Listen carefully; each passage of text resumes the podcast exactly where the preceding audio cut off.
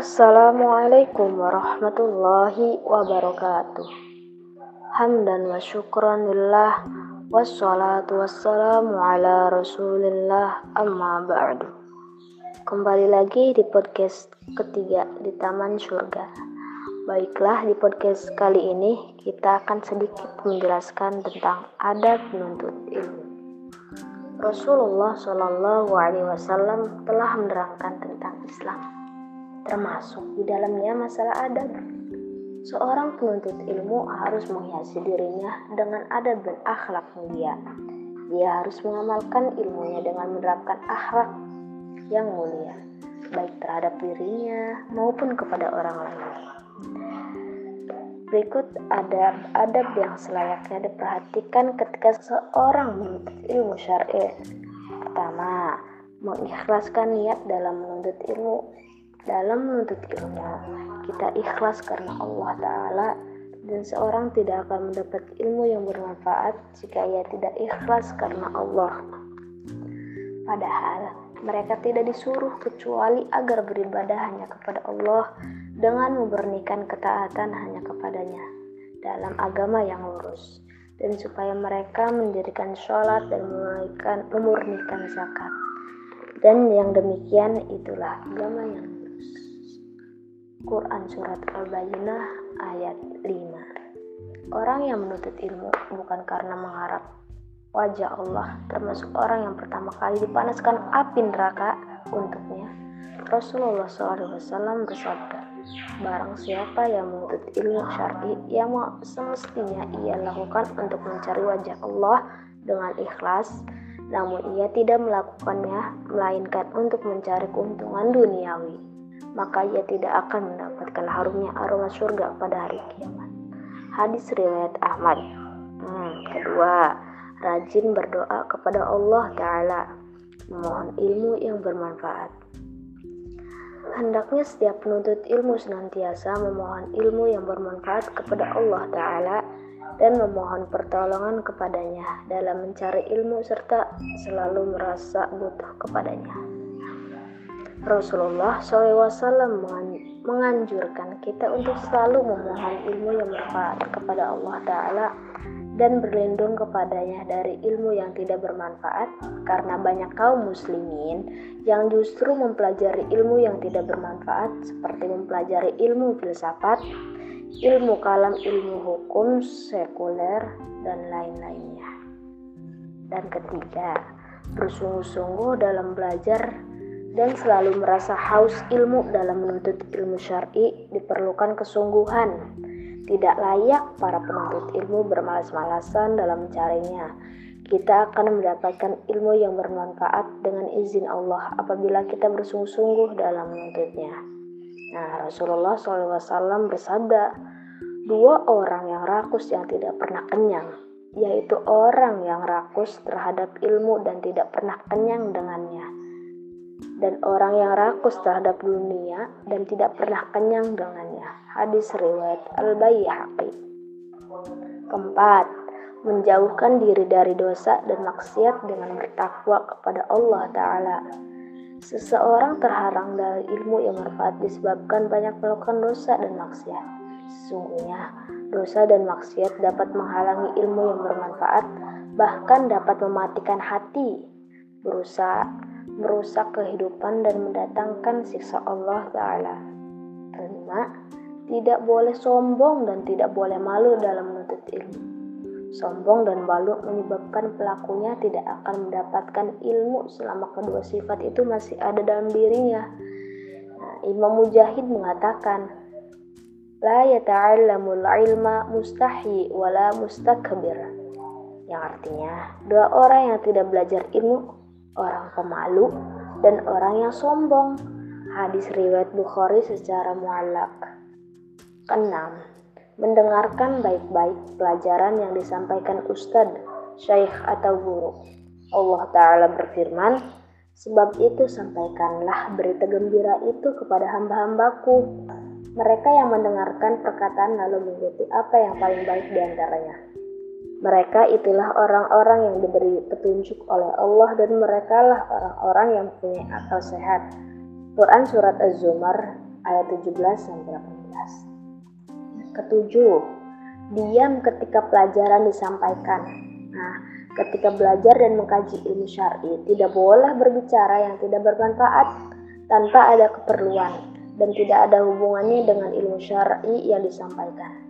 Tidak boleh ngobrol. Allah Ta'ala berfirman, dan apabila dibacakan Al-Quran, maka dengarkanlah dan diamlah agar kamu mendapat rahmat. Quran Surat Al-A'raf ayat 204 Kedelapan, berusaha memahami ilmu syar'i yang disampaikan. Kiat memahami pelajaran yang disampaikan mencari tempat duduk yang tepat di hadapan guru, memperhatikan penjelasan guru dan bacaan murid yang ber berpengalaman, bersungguh-sungguh untuk mengingat faedah-faedah pelajaran. Tidak banyak bertanya saat pelajaran disampaikan, tidak membaca satu kitab kepada banyak guru pada waktu yang sama. Mengulang pelajaran setelah kajian selesai dan bersungguh-sungguh mengamalkan ilmu yang telah dipelajari. 9. Menghafalkan ilmu syar'i yang disampaikan. Rasulullah SAW bersabda, Semoga Allah memberikan cahaya kepada wajah orang yang mendengar perkataan. Kemudian ia memahaminya, menghafalkannya, dan menyampaikannya. Ya, banyak orang yang membawa fikih kepada orang yang lebih paham daripadanya. Hadis riwayat At-Tirmizi. Dalam hadis tersebut, Nabi Shallallahu Alaihi Wasallam berdoa kepada Allah Taala agar Dia memberikan cahaya pada wajah orang-orang yang mendengar, memahami, menghafal, dan mengamalkan sabda beliau Shallallahu Alaihi Wasallam. Nah, kita pun diperintahkan untuk menghafal pelajaran-pelajaran yang bersumber dari Al-Quran dan hadis-hadis Nabi Shallallahu Alaihi Wasallam. 10 mengikat ilmu atau pelajaran dengan tulisan ketika belajar. Seorang penuntut ilmu harus mencatat pelajaran, poin-poin penting, fawaid dari ayat, hadis, dan perkataan para sahabat, sahabat serta ulama atau berbagai dalil bagi suatu permasalahan yang dibawakan oleh syekh atau gurunya, agar ilmu yang disampaikan tidak hilang dan terus tertancap dalam ingatannya. Setiap kali ia mengulangi pelajarannya, Rasulullah Shallallahu Alaihi Wasallam bersabda, "Ikatlah ilmu dengan tulisan." Hadis riwayat Ibnu Abdul Bar ke-11 mengamalkan ilmu syar'i yang telah dipelajari. Menuntut ilmu syar'i bukanlah tujuan akhir, tetapi sebagai pengantar kepada tujuan yang agung, yaitu adanya rasa takut kepada Allah, merasa diawasi olehnya takwa kepadanya, dan mengamalkan tuntunan dari ilmu tersebut. Dengan demikian, barang siapa saja yang menuntut ilmu bukan untuk diamalkan, niscaya ia diharamkan dari keberkahan ilmu, kemuliaan, dan ganjaran pahalanya yang besar. Nabi Shallallahu Alaihi Wasallam bersabda, perumpamaan seseorang alim yang seorang alim yang mengajarkan kebaikan kepada manusia kemudian ia melupakan dirinya adalah seperti lampu yang menerangi manusia namun membakar dirinya sendiri. Hadis riwayat Atta dan kedua belas berusaha mendakwahkan ilmu. Objek dakwah yang paling utama adalah keluarga dan kerabat kita. Allah Ta'ala berfirman, Wahai orang-orang yang beriman, peliharalah dirimu dan keluargamu dari api neraka yang bahan bakarnya adalah manusia dan batu.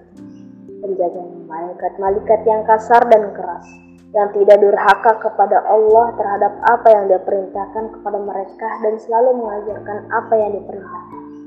Quran Surat At-Tahrim ayat 6. Hal yang harus diperhatikan oleh penuntut ilmu apabila dakwah mengajak manusia ke jalan Allah merupakan kedudukan yang mulia dan utama bagi seorang maka hal itu tidak akan terlaksanakan kecuali dengan ilmu.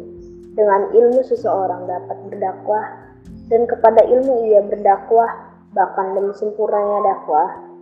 Ilmu itu harus dicapai sampai batas usaha yang maksimal. Nah, syarat dakwah itu akidah yang benar. Seorang yang berdakwah harus meyakini kebenaran akidah salaf tentang tauhid rububiyah, uluhiyah, asma dan sifat serta semua yang berkaitan dengan masalah akidah dan iman. Manhajnya benar memahami Al-Quran dan As-Sunnah sesuai dengan pemahaman salafus soleh. Beramal dengan benar semata-mata ikhlas karena Allah dan ittiba. Contoh Rasulullah SAW tidak mengadakan bid'ah baik dalam i'tikaf, i'tikad, perbuatan atau perkataan. Cukup sekian dari sini. Wassalamualaikum warahmatullahi wabarakatuh.